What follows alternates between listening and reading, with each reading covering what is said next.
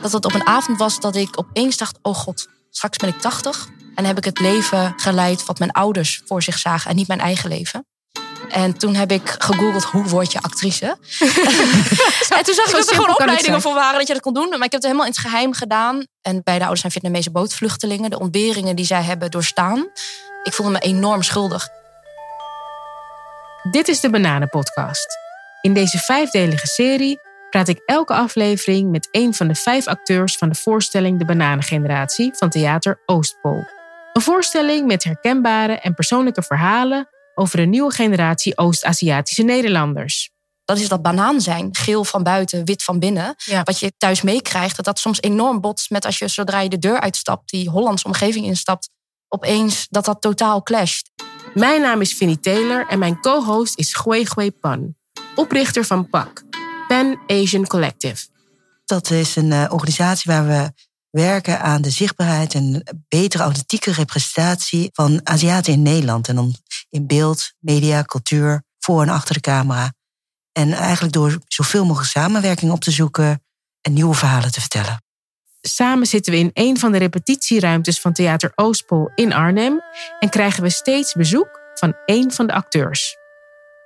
Aflevering 1. Nieuw Dam.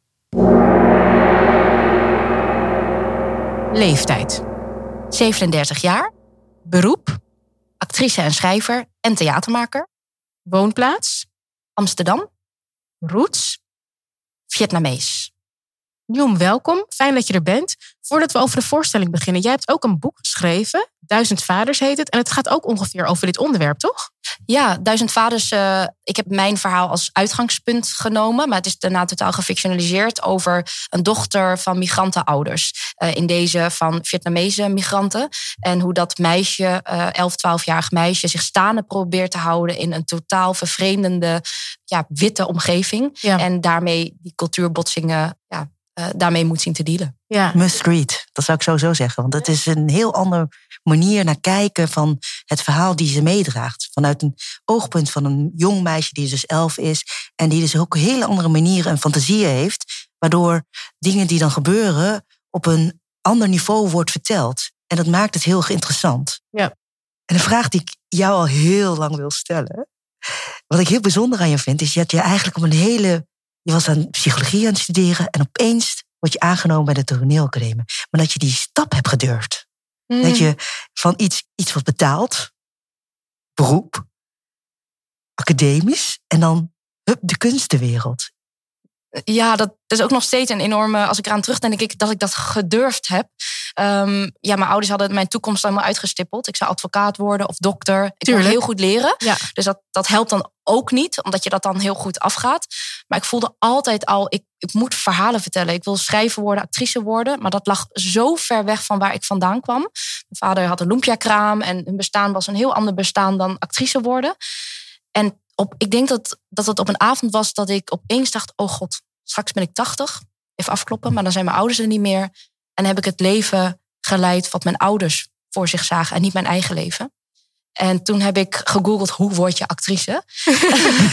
en toen zag ik dat er gewoon opleidingen voor waren dat je dat kon doen. Maar ik heb het helemaal in het geheim gedaan. En ik heb, ik heb het aan niemand verteld. En op het moment dat ik dus aangenomen werd, uh, was het wel echt een zware stap, vond ik wel. Ik had helemaal geen jeugdopleiding gehad. Ik kende niemand. Ik had nooit. helemaal geen netwerk. Geen netwerk. Dus ik begon echt vanuit min 10 of min 1000. En met die druk van mijn ouders. En ik denk dat zij nog steeds, ja, ze hebben het gewoon niet uh, kunnen ondersteunen of goed kunnen uh, keuren. Hoe was dus, het moment dat je het ze vertelde dan? Hoe reageerden ze? Nou, dat ze zeiden, je, je vergooit je leven. En, wij, en ik zag de ontberingen die zij, uh, bij, bij de ouders zijn Vietnamese bootvluchtelingen, de ontberingen die zij hebben doorstaan.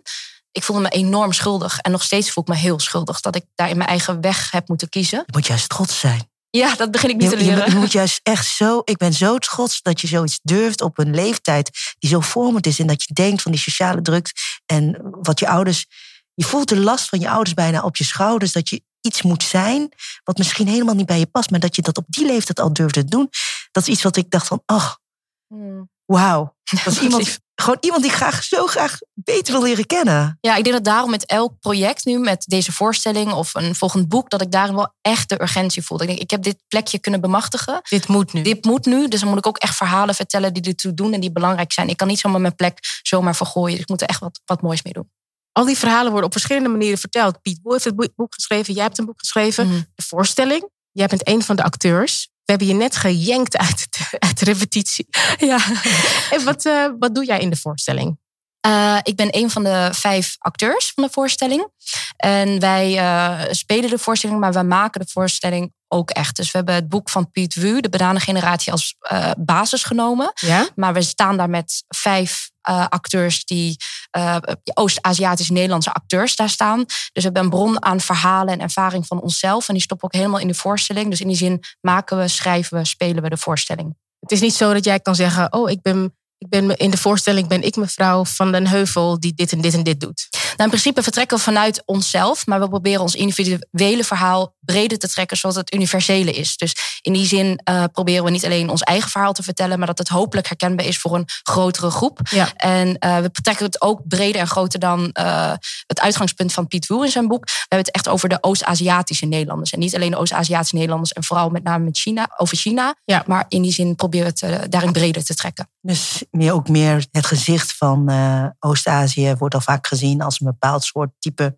persoon. Mm -hmm. En uh, hoe dat zich vertaalt in wie jij bent en wie wij zijn. Ja, ja, in die zin hebben we verschillende perspectieven. Zoals ik, mijn ouders uh, komen allebei uit Vietnam. Maar we hebben ook uh, iemand met een uh, Indonesische achtergrond, een Chinese achtergrond. Dus in die zin is het een hele fijne, mooie mashup. En we kunnen niet totaal inclusief zijn. We zijn met ons vijven staan we daar. Maar we proberen dat zo volledig mogelijk, dat verhaal te vertellen. met onszelf als ja, vertrekpunt. En de ondertitel van het boek wat jullie als basis hebben genomen is over het dubbelleven van Chinese Nederlanders nu. Hoe hebben jullie dat dubbelleven verwerkt in de voorstelling? We hebben heel bijzonder gewerkt. Dus we hebben dat boek helemaal geanalyseerd. Overdag deden we echt journalistiek uh, werk, verrichten we. We willen dat onze bronnen kloppen, dat het allemaal in die zin allemaal klopt. Dat we ons huiswerk goed hebben gemaakt. En het tweede gedeelte van de dag maakten we performances, acts. Kregen we opdrachten, gaan we vrij associëren en maak daar scènes van. En dit onderwerp wat jij nu net aanhaalt, dat gaat dan heel erg over de culture clash, die we alle vijf heel erg ervaren. En ja, dat is dat banaan zijn. Geel van buiten, wit van binnen. Ja. En dat je daar in je leven soms enorm tegenaan loopt. Uh, wat je thuis meekrijgt, dat dat soms enorm botst met als je zodra je de deur uitstapt en die wereld instapt, die Hollandse omgeving instapt, opeens dat dat totaal clasht. En ook in jezelf kan clashen. Niet alleen om je heen, hoe mensen jou ervaren, ja. maar ook uh, binnen, binnen jezelf. We hebben het vaak over een spectrum van Nederlander zijn of helemaal um, iets Aziatisch. Dus van wit naar geel. En hoe verhoud je je daarin als jullie het over zo'n het maken van die voorstelling hebben? Nou, voor mij persoonlijk, ik kan denk ik vooral voor mij persoonlijk dan vertellen dat ik. Um, ik ben hier geboren in Groningen. Beide ouders zijn Vietnamees. Maar dat ik het gevoel had dat ik me zo wit mogelijk of zo Hollands mogelijk moest gedragen om mee te kunnen doen. Om niet uh, gepest te worden of om uh, niet uitgelicht te worden. En er is een punt waarop dat natuurlijk heel erg gaat schuren. Omdat je thuis natuurlijk met totaal. Taal, nou, bijvoorbeeld over mijn ouders, die uh, ouder worden. Dat ik denk van, goh, hoe moet ik het nou laten doen? Ik zie mijn Aziatische ouders totaal niet in een bejaardentehuis. Zo doen, zo, zo, dat gebeurt niet in Vietnam, die neem je in huis. Ja. Maar ik ben opgegroeid in een super individualistische cultuur. Waarbij je, waarbij je dat dus doet. Omdat je je eigen leven uh, toch wel voorgaat. Ja. Dat is denk ik wel een heel concreet voorbeeld waar ik echt mee worstel. Dat ik denk, hoe moet ik dat later nou doen? Ja. En heb je daar al een antwoord op? Want dan ben ik wel nieuwsgierig. Nee, nee, dat is dus echt die worsteling. Dat ik Ja. het niet voor me zie. Hoe kan mijn moeder nou in mijn huisje in Amsterdam... Ja. waar de muizen rondlopen... en waar ik Ja. zelf gewoon de was in de woonkamer... Dat, hoe, hoe, hoe moet dat? Hoe, Ja. hoe, hoe Ja. doe je dat? Ja, ja, Ja. lastig. Je groeide op met het idee, ik moet zo wit, me zo wit mogelijk eh, gedragen. Maar wanneer voelde je toch, ik loop hier tegen een grens aan, dat, dat dubbelleven? Dat het thuis toch echt heel anders was? Ja, ik, ik denk dat de vraag eerder andersom is. Dat ik dat permanent altijd al heel vroeg heb gevoeld. Dat, En eh, wat is je eerste herinnering? Ehm, dat ik, eh, even nadenken hoor, de eerste herinnering. Ik denk dan toch met eetgewoontes. Dat je op de basisschool, daar waar iedereen de boterhammetjes met, kaas. boter- kaas of boterhamworst meenam. En dat ik een soort van bapau of eh, Vietnamese worst meekreeg. En daar waar heel veel kruiden op zaten, wat dan toch wel sterk rook. En dat je daar dan enorm op gepakt wordt of eh, gepe- ja, mee gepest wordt. Dat je wel denkt van, goh, waarom heb ik als enige uh, Ja. echt iets anders in mijn broodtrommeltje? Of ik had niet eens een broodtrommeltje, het was in, ja, het, wa- het was in een soort zakje. Plastic zakje. Plastic zakje, boterhamzakje. Ja, had ik ook. Eh, Ja, ik ook eigenlijk. maar voelde je je daardoor ook heel anders? Ja, ik werd er, was er heel vroeg al bewust van, omdat ik op zo'n jonge leeftijd daar mee gepest werd. Dat permanent, eh, daar waar je denkt van, goh, ik hoor er nu bij. Als je dan gepest wordt en mensen zeggen ching chang chong of eh poep Chinees, dan word je er dus per definitie uitgelicht. En dat is voor een kind heel ingewikkeld om dan te snappen van, hè, maar ik hoor toch gewoon in deze klas en ik woon niet toch, dus waarom ben ik dan toch anders? En als je vanuit je eigen ogen dus naar de buitenwereld kijkt, dan ben je er niet eens bewust van dat je er misschien anders uitziet, tot een ander dat dus ja, inderdaad een stomme vraag stelt of Ja. eh, je pest. En dan denk je, oh, zij zien natuurlijk dit. Ja, en over domme en stomme vragen gesproken. Ik maak samen met Wansi Muller eh, de podcast Domme Vragen Bestaan Wel. En daarin onderzoeken wij wat domme vragen of opmerkingen met iemand doen. Nu kan ik mij zo voorstellen dat jij ook wel eens domme opmerkingen hebt gehoord. en tot slot, zou je eens één voorbeeld willen geven? Ehm, ik krijg vaak de vraag, ben je geadopteerd? Ehm, en dan zeg ik nee, mijn beide ouders zijn Vietnamees. En dan krijg ik eh, heel vaak verbaasde blikken van... Hé, maar je spreekt zo goed Nederlands. En je komt Oh zo ja. Hollands over. Ja. Ook in mijn mimiek en in hoe ik eh, ja, hier zo zit. De luisteraar ziet dat niet, maar ik kom nu heel Hollands over. en het rare is, het moment dat ik zeg Je nee... spreekt heel veel met je handen. Met mijn handen, een soort stevigheid. Eh, niet nederig in ieder geval. En ehm, Nee. ehm, als ik zeg nee, ik ben niet geadopteerd.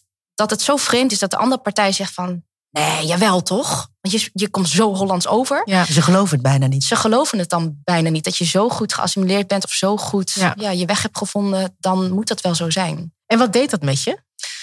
Ehm, dat is dus het rare. Vroeger voelde ik me eerst een beetje trots. Alsof ik een soort overwinning had van... yes, ik heb het spelletje zo goed gespeeld. Ik heb zo goed het mijn eigen gemaakt om erbij te horen. Ze hebben het niet eens door dat ik er niet vandaan kom. En nu ik steeds ouder word en mijn roots steeds meer probeer te omarmen... en daar me minder voor wil schamen, eh, wat ik als kind heel erg had... eh, word ik er dus boos van. Eh, Ja. ja. Eigenlijk vind ik het daar heel verdrietig om te horen. Want eigenlijk zeg je dus tegelijkertijd dat je een gevoel had dat je je moest schamen als je niet genoeg Nederlands bent. Ja, en dat je dus trots voelt als iemand zegt... zie je nou wel, je komt er dus niet echt vandaan. Ja. En dat is wel heftig. Ja, maar ik denk dat dat ook kind-eigen is. Hè? Want je wil er vooral bij horen. Als, je wil niet anders zijn. Mm. Ik weet nog dat ik... Ik ben zelf Surinaams en mijn ouders ja, die koken en bakken veel. Dus ik weet dat wel mijn kleren roken soms gewoon naar ja, een soort van baklucht. Dus dan kwam je thuis en dan, ik, weet- ik heb, weet niet waarom als kind, maar ik had ook een soort van eh, fascinatie met bepaalde wasmiddel. Hè? Ik noem een robijn en perceel en zo. En dan eh, eh, hadden wij ook, alleen dan de tweede dag rook het bij mij meer naar eh, ja, gebakken rijst of weet je wel. En dat, dat wilde ik niet. Want ik dacht van ja, waarom kunnen mijn kleren niet gewoon ruiken naar? Naar Zo robijn, naar, naar kaas, kaasfondue. Ah, Maar ik heb wel een leuk voorbeeld. Dat ik, vroeger gingen we in Groningen, ik groeide op in Groningen. En in plaats van dat we naar Six Flags gingen of naar de Efteling, wat ik heel graag wilde, dan gingen mijn vriendjes heen en vriendinnetjes heen of naar de camping. Gingen wij in het weekend dan oesters loswrikken of oesters vangen aan de Eemshaven. Dat Oh, eh, groeide zo aan die dijk. En dan ging mijn vader dan echt met zijn zwembroek en mijn moeder met veger en blik gingen we dan zo echt kilo's en kilo's oesters wrikken. En thuis nou, aten we dat dan op. En ik dacht echt, oh, als we dan thuis kwamen met die zakken oesters. Dat ik dacht, oh, als mijn buurmeisjes dit me niet zien. Dit is zo Aziatisch en dit valt zo uit de toon. en dat ik nu in mijn volwassen leven nu in Amsterdam woon. En ik weet nog heel goed, eh, na de toneelschool, dat ik voor het eerst in een iets chique restaurant zat. Ik was heel laat in mijn leven uit eten gaan leren. En toen zat ik daar en toen zag ik dat de oesters dus op het menu stonden voor vet veel geld. Dus dat was voor Ja. mij heel veel geld Ja, na ja. mijn studietijd. en toen dacht ik, wauw, alles waar ik me zo erg voor schaamde. Ja. Daar betalen mensen dus vet veel geld voor. En het is dus super chic. Ja, kun je nagaan, hè? Wat jij dan als kind, wat voor andere associaties jij daarmee hebt. hè? Je bent bang dat je, dat je anders bent, terwijl achteraf. nee, je wilt gewoon meedoen. Want Je je wil- ja. je wil gewoon heel graag erbij horen, denk ik dan ook. Hè? Ja. dat, het geldt voor mij ook. Hè? Want ik wilde ook graag blond haar, blauwe ogen. Liefst ook al die dingetjes die eh, de, de klasgenootjes deden. Op eh, dansles, hockey. Eh, eigenlijk alles wat ik niet had. Ja. Heb je dat wel gedaan? Hockey en op lessen? Niks, niks, niks, niks. Geen extracurriculaire dingen. Het werkt alleen. Toen al, als kind al. Nou, dat, dat soort verhalen komen allemaal terug in de voorstelling. En daar maken jullie een mooi, ehm, een port- allemaal portretten van. Tot slot, wat is nou het belangrijkste dat de bezoeker volgens jou moet meekrijgen? Ik denk vooral als je deze verhalen hoort. Enerzijds herkenning. Het is niet ook alleen voor de Oost-Aziatische gemeenschap, maar ook juist voor iedereen. En ik denk dat het vooral herkenning zou opleveren, maar vooral liefde, warmte en omarming. In die zin staan we niet met ons vijf een heel zielig verhaal te vertellen. We staan een verhaal, te vertellen die misschien nog niet eerder verteld is. En dat is ons uitgangspunt. Uh, en dat het een hele rijke cultuur is die zo aanwezig is in de maatschappij. Of het nou gaat over de restaurants die aanwezig zijn, de eetcultuur die, die onze ouders uh, of opa's en oma's hebben meegebracht. En ik denk dat die rijkdom dat die verhalen wat daarachter schuilt, dat dat heel hard verwarmend, maar ook leerzaam. En we zijn daarin ook, ja, uh, halen we onderwerpen aan waar misschien nog niet eerder over gesproken is. Dus in die zin ook een hele urgente voorstelling. Mooi gezegd, Nieuw. Dank je wel. Dit was de eerste aflevering van de Bananenpodcast, waarin ik samen met mijn co-host Gwegwe sprak met acteur Nieuw Dam. In de volgende aflevering hoor je het persoonlijk verhaal van de acteur Keanu Fisher. Wil je nou meer informatie over de voorstelling of ben je nieuwsgierig naar een van de acteurs of ben je benieuwd naar de organisatie Pan Asian Collective? Ga dan naar theateroostpol.nl.